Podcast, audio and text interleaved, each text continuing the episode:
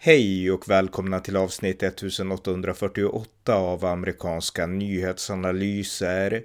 En konservativ podcast med mig, Ronny Berggren, som kan stödjas på swishnummer 070-30 28 95 0. Det här är min sjunde del i min serie om idén om att skapa en världsregering. Här resonerar jag utifrån frågeställningen om denna idé är av godo eller ondo eller kanske någonstans mittemellan. Varmt välkomna!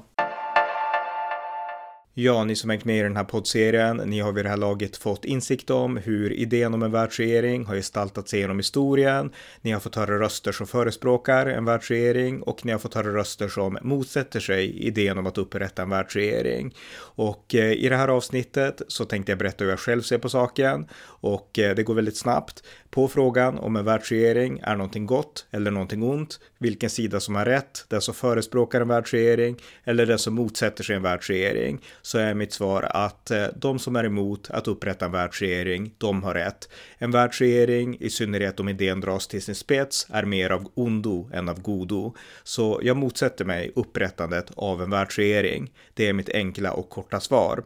Men det här var ju också ett ganska kategoriskt svar och det kräver att jag utvecklar varför jag ser saken som jag gör eh, lite längre och lite mer ingående. Så det tänkte jag göra nu. Ja, det enklaste sättet att motivera och förklara varför jag motsätter mig en världsregering, det är att granska idéfundamentet, grunden som de som förespråkar en världsregering utgår ifrån. Och eh, de flesta som förespråkar en världsregering, de gör det därför att de betraktar eh, världen och anser att det finns stora problem i världen som bara kan lösas överstatligt. Det är det som brukar vara grundfundamentet, utgångspunkten hos de som förespråkar en världsregering. Och eh, den kris som vi i väst idag betraktar som mest akut, det är såklart klimatkrisen. Eh, ni minns säkert Greta Thunbergs tal där i FN 2019 när hon väldigt emotionellt förklarade att eh, ekosystemen går under och min generation, den har blivit förrådd och ni sitter bara där i era stolar typ och gör ingenting. How dare you? Ungefär så sa Greta Thunberg i FN 2019. Och i klimatrörelsen så finns det de som förespråkar världsparlamentarism för att hantera klimatkrisen. Och eh, det finns även sådana som filosofiprofessor Torbjörn Tännsjö som till och med förespråkar klimatdiktatur för att hantera krisen. Men en annalkande eller förestående kris, det är det som används som legitimering. Och eh, genom historien, genom världshistorien, då har ju krig varit den primära faktorn som har motiverat människor att förespråka en världsregering. Idag har vi en klimatkris som vi i väst tycker är väldigt angelägen och vi upplever ju inte krig, men historiskt som sagt så har det varit krig som har varit den drivande faktorn och eh, det som man då använt för att förespråka en världsregering för att få fred. Så att här har ni liksom grundidén, grundfundamentet till varför man förespråkar en världsregering. Man ser en kris och man anser att den här krisen, det är det viktigaste som mänskligheten har har att ta itu med. Men min utgångspunkt, det är en annan. Därför att mot det här så finns det filosofisk invändning och det är invändningen att det finns saker som är värre än klimatkriser och värre än krig till och med. Och eh, det som är värre än både klimatkriser och krig, det är tyranni. Eh, den filosofiska invändningen mot en världsregering, det är att det finns någonting ännu värre än krig och det är just tyranni. Eh, det var den synen som USAs författningsfäder hade, som gjorde att man ansåg att det är värt att göra uppror mot Storbritannien, även om vi skulle dö, därför att det är bättre att dö än att leva under tyranni.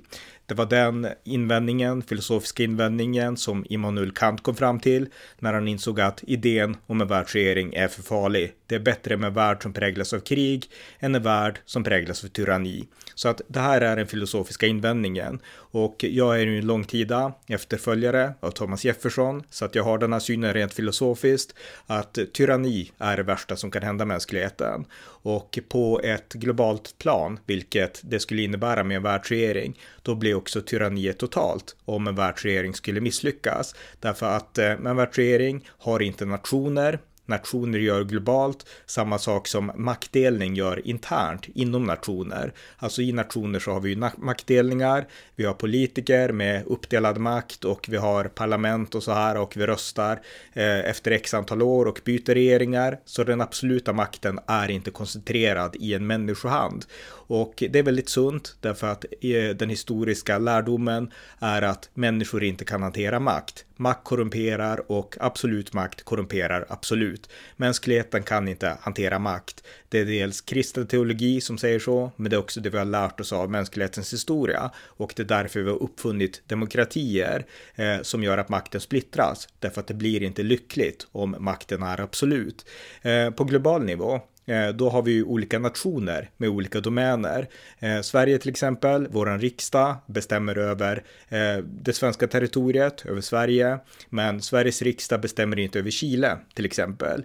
Likaså Nordkorea, Kim Jong-Un, han har total makt i Nordkorea, men han bestämmer inte över Europa och inte ens i stora nationer som till exempel Ryssland som blir allt mer totalitärt. Eh, inte ens Putin bestämmer över områden utanför Ryssland, utan han har stormakt i Ryssland, men han har inte stormakt i USA eller i Kanada, utan han har en begränsad makt. Och det är det som är fördelen med nationer, makten begränsas. Med en världsregering så skulle den här begränsade makten försvinna och det skulle göra att det aldrig fanns några fristäder. Om den här makten skulle bli farlig, vilket historien vittnar om att den ofta blir när människor centraliserar makt, då skulle det inte finnas något ställe att fly till, utan det skulle bli en allomfattande, ett allomfattande globalt tyranni. Och det här betraktar jag som en realitet som skulle kunna förverkligas med en världsregering. Och därför är jag, precis som Thomas Jefferson och Immanuel Kant, emot idén om en världsregering. Men det finns också andra argument. Och eh, jag berättade ju tidigare om kommunismen, om Marx, idéerna som uppkom där på 1800-talet och eh, eh Sovjetunionen och eh, idag, i vår tid, då betraktar vi kommunismen som någonting väldigt ondskefullt eh, med folkmord, med avrättningar, med ett fruktansvärt tyranni. Men eh, de som blev kommunister för ungefär hundra år sedan, när kommunismen var som mest inne, de blev ju inte det för att de förespråkade folkmord eller tyranni, utan de blev det för att de lockades av kommunismens idéer. Och eh, idéerna som fanns i kommunismen, det är de närmaste idéer som mänskligheten någonsin har uppbådat, som kan liknas vid de idéer som nu florerar om att upprätta en världsregering. Kommunismens idéer, det var en dröm om en enad värld, en enad värld, inte för folkmord utan för jämlikhet, rättvisa och broderskap. Men i praktiken så blev det tvärtom.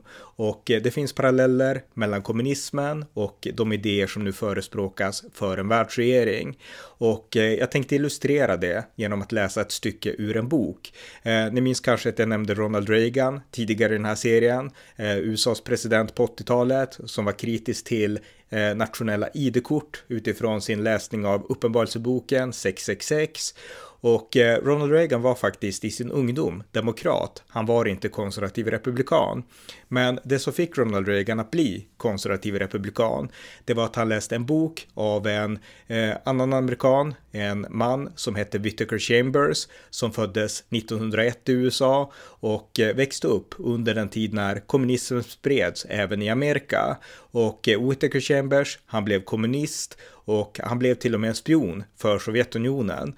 Och eh, med tiden så blev han därefter kristen och övergav kommunismen. Och eh, han vittnade inför kongressen 1948 om sin tid som spion. Och han pekade även ut andra spioner, bland annat den liberale eh, anställde till till och med självaste president Franklin Delano Roosevelt, diplomaten, advokaten Alger Hiss, eh, Whittaker Chambers pekade ut honom som, som spion och där i kongressen så fanns det en ung kongressman som heter Richard Nixon som höll korsförhör både med Whittaker Chambers och med Alger Hiss och man kom fram till att Alger Hiss är skyldig. Han var verkligen en spion och han dömdes sen till fängelse. Men 1952 så skrev i alla fall Whittaker Chambers en bok som heter Witness, vittne på svenska, där han beskriver dels kommunismen, faran med kommunismen, men framförallt så beskriver han vad det är som gör att människor lockas till att bli kommunister. Och det är där det finns stora paralleller mellan hur eller vad som fick människor att bli kommunister för hundra år sedan och vad det är som får människor att lockas av idén om en världsregering idag. Det finns väldigt många paralleller. Så jag tänkte läsa ett stycke ur Whitaker Chambers bok Witness från 1952. Och jag tror att ni som har lyssnat på den här serien kommer se vissa paralleller mellan det Whitaker Chambers berättar om världskommunismen och eh, det som ni har fått höra om eh, en världsregering. Så här följer ett stycke ur Whittaker Chambers bok Witness från 1952.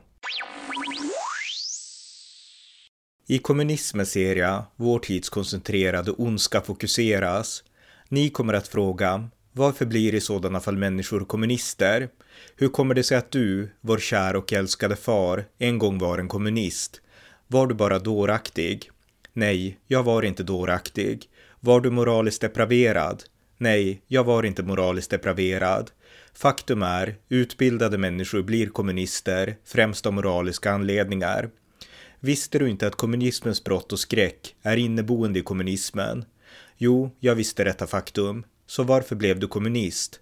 Det skulle hjälpa mer att fråga hur kan det komma sig att denna rörelse, en gång ett blott muttrande bland politiskt marginaliserade, blev den enorma kraft som nu kräver världsherravälde? Även när all slump och alla historiens misstag tas i akt så måste svaret vara kommunismen erbjuder en djupgående lockelse till det mänskliga sinnet ni kommer inte att kunna förstå vad det är genom att kalla kommunismen namn. Låt mig börja med att förklara vad kommunismen inte är. Det är inte blott en ondskefull komplott skapad av ondskefulla män i en mörk källare. Det är inte bara Marx och Lenins skrifter eller dialektal materialism, eller politbyrån, teorin om arbetare och värde, teorin om generalstrejker, den röda armén, den hemliga polisen, arbetsläger, underjordiska konspirationer, proletariatets diktatur eller tekniker för statskupp Kommunismen är inte ens de miljontals som skränar och till och från, likt oorganiserade arméer, demonstrerar med banderoller i hjärtat av världens huvudstäder. Moskva, New York, Paris, Rom. Detta är uttryck för kommunism, men det är inte vad kommunismen handlar om. I åtalet mot Hiss, där kommunismen var ett hemsökande spöke, men där lite eller ingenting gjordes för att förklara kommunismen. Där antogs kommunister vara brottslingar, utsugare, sådana som förnekade traditionell religion och moral och löften på ed, sådana som predikade våld och förräderi. Dessa saker är sanna om kommunister, men det är inte vad kommunismen handlar om. Kommunismens revolutionära hjärta är inte de teatraliska lockelserna som arbetare i världen, förena eder. Kommunister hålls inte samman av någon hemligt svuren ed. Det band som binder det samman över nationer och genom språkbarriärer och genom klass eller utbildning i motstånd mot religion, moral, sanning, lag, heder, kroppens svagheter, hjärnans tankar ända in i döden. Det är en enkel övertygelse. Övertygelsen om att det är nödvändigt att förändra världen. Deras kraft, den som förvånar övriga världen, eftersom världen överlag har förlorat den kraften, är kraften att inneha övertygelser och agera utifrån dem. Det är samma kraft som förflyttar berg. Kommunister är den del av mänskligheten som har återtagit kraften att leva eller dö, att vara vittnen för sin tro, och det är en enkel och rationell tro som inspirerar människor att leva eller dö för den. Men den är inte ny, Faktum är att det är människans näst äldsta tro. Dess löfte viskades för första gången i skapelsen, under kunskapens träd på gott och ont. Ni ska bli så som gudar. Det är mänsklighetens alternativa trosövertygelse. Likt alla stora trosövertygelser så utgår dess kraft från en simpel vision. Kommunismens vision är om människan utan Gud. Det är visionen om människans eget sinne som tar Guds plats som världens kreativa intelligens. Det är visionen om människan, än en gång som huvudperson i skapelsen, men inte för att Gud skapade henne till sin avbild, utan för att människans eget sinne gör henne till det mest intelligenta av djur. Kommunismen lockar inte människor till brottslighet eller utopi, som kritiker förenklat tycks tro. Den kallar människor att övervinna kriser, som kommunismen hävdar är en frustrationens kris med en värld inkapabel att stå stilla, men ovillig att gå vidare längs vägen som logiken för en teknologisk civilisation stakar ut, nämligen kommunism. Detta är kommunismens moraliska grund som är tvåfaldig. Dess vision visar vägen mot framtiden. Dess övertygelse strävar efter att föra framtiden till den samtida verkligheten. Den säger till varje människa som ansluter sig. Visionen är ett praktiskt problem i historien. Vägen att uppnå det är ett praktiskt problem för politiken som utgör historiens friktion i nuet. Har du den moraliska styrkan att på dig själv bära historiens brott så att mänskligheten till slut kan stänga denna krönika av urtida, meningslöst lidande och ersätta det med ett syfte och en plan? Det svar som en människa ger en sådan fråga är vad som skiljer kommunisten från de otaliga socialister, liberaler och andra medvandrare som har samma vision men inte samma övertygelse eftersom de inte är redo att själva ta på sig det lidande eller straff som följer med övertygelsen. Den kommunistiska visionen har en mäktig agitator och en mäktig propagandist. Det är krisen.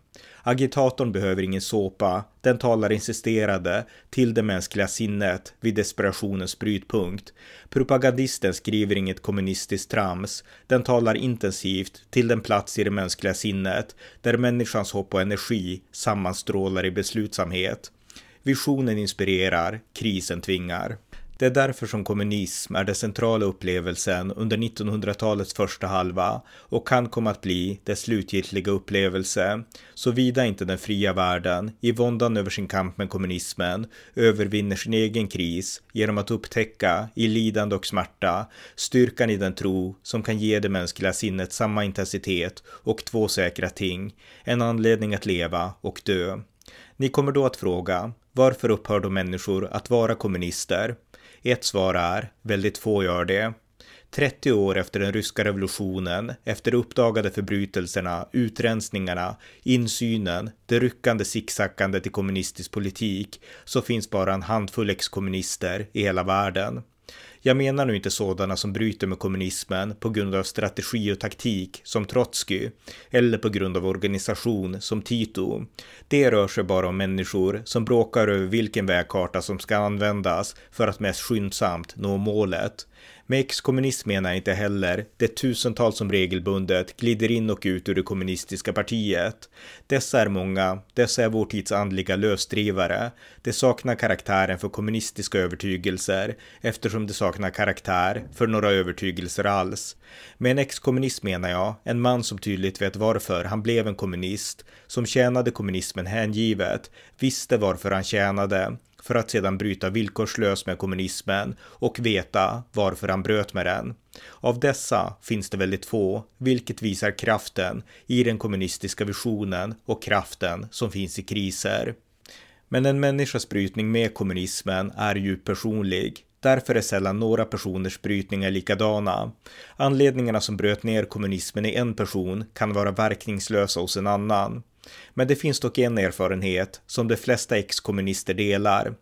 Dottern till en tidigare tysk diplomat i Moskva försökte en gång förklara för mig varför hennes far, en upplyst modern man som hade varit extremt prokommunistisk, nu hade blivit en kompromisslös antikommunist.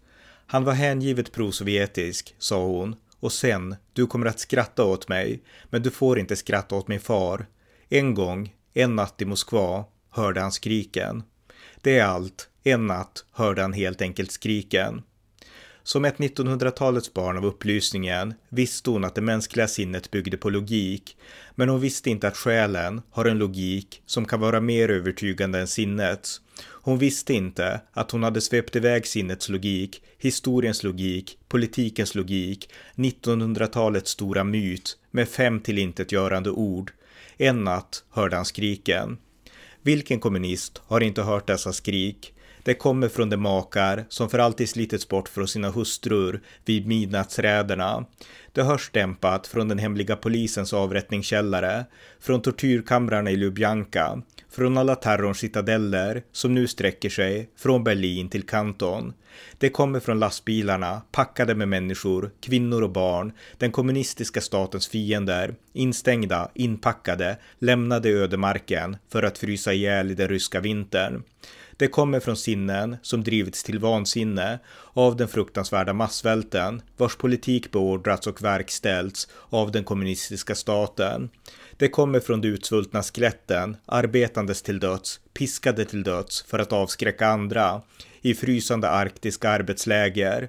Det kommer från barn vars föräldrar hastigt och oförklarligt tagits från dem, föräldrar de aldrig kommer att se igen. Vilken kommunist har inte hört dessa skrik? Skriken har nått varje kommunist i sinne, men ofta stannar det där. Ty vilken domare hänger sig frivilligt kvar vid en mans öde som lagen, nationens eller historiens lag, kräver att han dömer till döden. Men en dag så hör kommunisten verkligen dessa skrik. Han håller på med sina vardagliga partiuppgifter. Han framkallar mikrofilmer i en framkallningsskål. Han rättfärdigar för en kommunistisk fraktion i en handelsfackförening något ovälkommet direktiv från centralkommittén. Han mottar en order från en pålitlig överordnad om att åka till ett annat land, till ett specifikt hotell vid en specifik tidpunkt och träffa en man vars namn han aldrig kommer att få veta, men som kommer att ge den ett paket vars innehåll han aldrig kommer att få kännedom om. Plötsligt sluter sig runt den kommunisten en separerande tystnad och i den tystnaden hör han skriken. Han hör den för första gången, för nu når det inte bara hans hjärna, det skär djupare, det genomborrar hans själ. Han säger till sig själv, dessa är inte skriken från en man i plågor, dessa är skriken från en själ i vånda. Han hör den för första gången, för en extremt utsatt själ har kommunicerat till det enda som kan höra den, en annan mänsklig själ. Varför hör kommunisten dessa själsrop? Jo, för att i slutändan så består i varje människa, hur intensivt den förnekar det, en bit av själen kvar. Den kommunist som erfar detta säger till sig själv, vad är det som händer? Jag måste vara sjuk. Och om han inte genast läcker ner denna kvarvarande restprodukt av själen så är han förlorad. För om han för ett ögonblick erkänner så har han erkänt att det finns något högre än rationaliteten, något större än hjärnans logik, en politik, en historia, en ekonomi. Det är saker som rättfärdigar den kommunistiska visionen. Om partiet anar hans svagheter och partiet är synnerligen uppmärksamma på sådana svagheter så kommer det att förödmjuka honom, förnedra honom, fördöma honom, utesluta honom och om det kan så kommer det att förgöra honom. Och partiet kommer att göra rätt för han har förrått det enda som ensamt rättfärdigar dess övertygande tro på den allsmäktiga människan. Han har dammat av den enda vision som har styrka mot det mänskliga allsmäktiga sinnet. Han står inför det faktum som heter Gud. Vilken exkommunist har inte mer eller mindre mån lidit denna erfarenhet i någon slags grad? Vad han gör med detta beror på den enskilda personen. Det är därför som ingen exkommunist vågar besvara sina fränders fråga. Varför bryter människor med kommunismen? Han kan bara besvara frågan Hur bröt du med kommunismen? Mitt eget svar är sakta, ovilligt och i våndor. Men min egen brytning började långt innan jag hörde de där skriken. Kanske gör det det för alla. Jag vet inte för hur länge sedan det började, men jag daterar min brytning ur en väldigt vardaglig händelse. Jag satt i vår lägenhet på St. Paul Street i Baltimore. Det var kort innan vi flyttade till Alger Hiss lägenhet i Washington. Min dotter satt i sin höga stol. Jag såg henne äta. Hon var det mest mirakulösa som någonsin hänt i mitt liv. Jag tyckte om att titta på henne, även när hon smetade gröt över hela ansiktet eller tappade det på golvet. Mina ögon kom att falla på hennes ömtåliga öronveck, dessa invecklade, perfekta öron. En tanke passerade mitt sinne.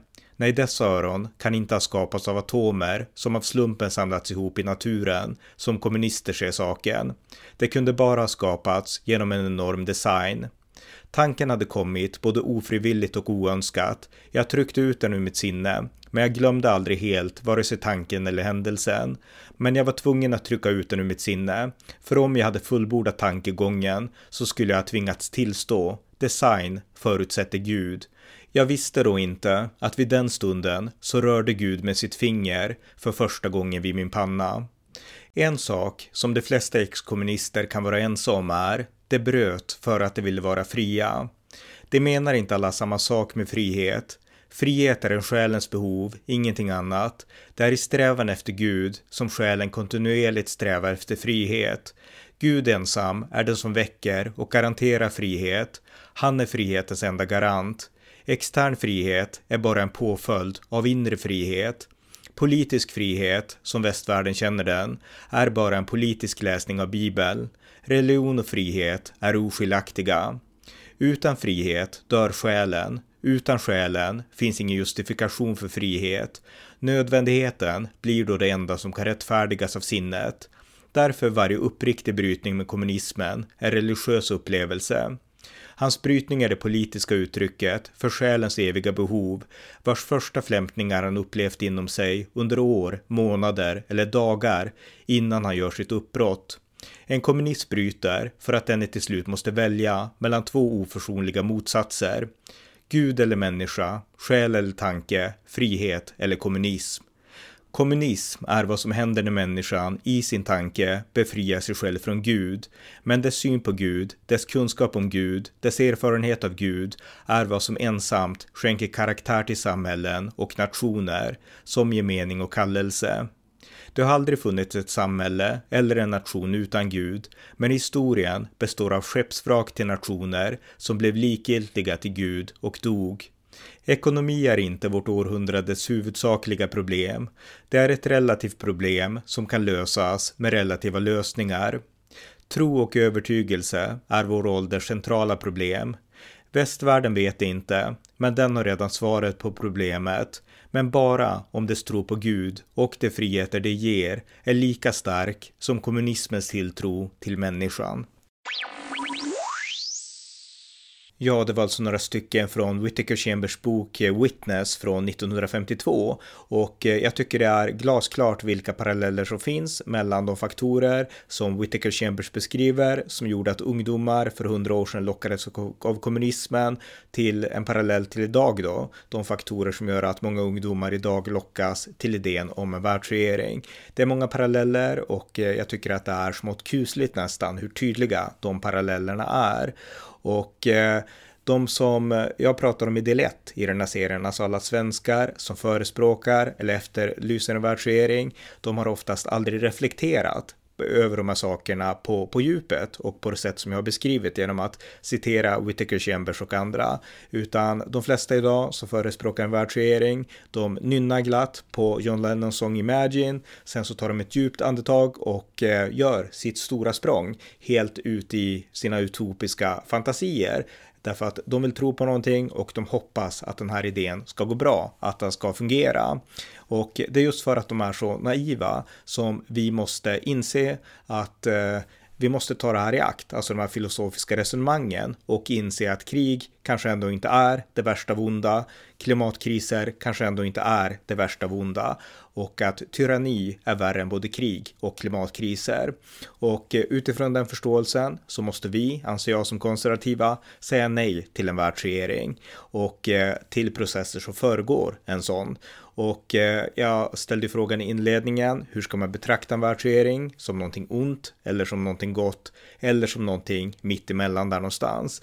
Och jag skulle säga att eh, det primära svaret är det onda som någonting ont, därför att farorna är för stora. Det är lite som att leka med eh, ringen i Sagan om ringen. Den här äh, onda ringen, härskaringen som Sauron, den onde varelsen har skapat och som den unge Hoben, eller han är väl inte så ung, men som Hoben Frodo ska kasta i domedagsberget i vulkanen där. Och eh, människor, Boromir och andra, de vill använda ringen för att göra gott. Alltså de vill ha den här onda härskaringen, men inte i syfte att göra ont, utan att göra gott. Men problemet är bara att om man tar på sig ringen så blir man förtrollad av den och även om man hade goda intentioner så kommer det inte att fungera i praktiken. Och eh, jag tycker att den parallellen i förhållande till idén om en världsregering som ett verktyg för att göra gott är en utmärkt parallell. Och vi måste förstå att eh, rädslan för tyranni, det är någonting högst befogat och eh, vi måste helt enkelt motverka en världsregering. Och eh, vi kan också se på personer som till exempel Al Gore som ansåg att eh, skepsisen mot en världsregering eh, gjorde att eh, ja, därför behövde man inte vara rädd för att det fanns skepsis och eh, han avfärdade därtill då rädslan som obefogad. Men han visade sig ha fel därför att det dröjde bara några år och sen så var pratet om en världsregering högt upp på tapeten igen. Och eh, vad Al Gore missade, det var ju att det var ju just rädslan för en världsregering som skyddade från en sådan. Så att om man undergräver rädslan, vilket många försöker göra, Jürgen Habermas och många andra, eh, för en världsregering, då kommer man också att nedmontera skyddet som ändå finns mot en världsregering. Och det är just rädslan, rädslan för tyranniet. Och återigen, utifrån den förståelsen så måste vi fortsätta vara rädda, eller åtminstone fortsätta säga nej till en världsregering. Därför att eh, möjligheten att det skulle växa fram tyranni är för stora. Men betyder det att ett avståndstagande från överstatlighet innebär att vi är passiva till världsproblem och att vi vänder världens problem ryggen? Nej, tvärtom. Jag skulle säga att det leder till innovativa och effektiva lösningar om vi vet att vi måste hantera sakerna själva och inte bara lägga makten i något överstatligt parlament och hoppas på det bästa. Och eh, det finns så många exempel i vår moderna historia som visar att vi är väldigt bra på att använda de här tvärtom-principerna. Det tydligaste exemplet på det, det är kapitalismen. Kapitalism bygger på konkurrens och man tänka, kan tänka att konkurrens det innebär ju att jag tar från dig och du får mindre och eh, om det då handlar om mat då blir till slut vissa väldigt fattiga. Det här är ju en kommunistisk beskrivning av marknadsekonomin också. Men i praktiken vet vi att eh, när man använder våra svagheter, till exempel vår önskan att eh, tjäna pengar och sådana saker på rätt sätt, då kan vi få system som tar våran egen bristfälliga, Eh, ytterst icke änglaliknande natur i akt och eh, genom att göra det får saker att fungera. Så att vi vet ju idag att marknadsekonomin, trots att den bygger just på individualism och liknande saker och inte på fördelning, det är den som har lyft stora samhällen ur den eviga historiska cykeln av fattigdom. Det har gjorts genom marknadsekonomi, genom att vi har lärt oss att hantera konkurrens och eh, eh även individuell egoism och liknande på ett konstruktivt sätt. Och eh, likadant anser jag att det kan fungera med nationer. Om vi skapar en stor internationell global kultur där allt är enhetligt, då kommer vi att undergräva de här principerna som gör att eh, mänskligheten utvecklas. Konkurrensprinciper, uppdelning i nationer och liknande till förmån för en enhetlig och på sikt byråkratisk och förmodligen totalitär kultur. Så att vi måste värna pluralismen i världen, den nationella pluralismen och eh, genom att göra det så kommer vi i den processen också att hitta mellan mellanstatliga lösningar på de stora problemen. Och just det, det, det mellanstatliga alternativet till en världsregering, för en världsregering är inte ett alternativ. De lösningarna tänkte jag prata lite om i nästa avsnitt. Men i det här avsnittet så har ni fått höra vad jag anser om en världsregering. Jag anser att en världsregering är en mycket dålig idé och eh, jag hoppas att några av de argument som jag har lyft fram för att motivera varför jag tycker det. Eh, jag hoppas att några av de argumenten har känts trovärdiga och att ni har tagit dem till er och eh, reflekterat över dem också. För jag tror som sagt att de flesta som förespråkar en världsregering idag, oavsett om det handlar om ledarskribenter i svenska tidningar eller akademiker, de har sällan tänkt just på den här invändningen. Att det finns någonting värre än de hot som en världsregering vill lösa och det är hotet från tyrannin. Så med det sagt så avslutar vi det här avsnittet. Tack för att ni har lyssnat på amerikanska nyhetsanalyser. En podcast som kan stödjas på swishnummer 070-30 28 95 0 eller via hemsidan på Paypal, Patreon eller bankkonto. Skänk också gärna en slant till valfri Ukraina-hjälp. Allt gott tills nästa gång.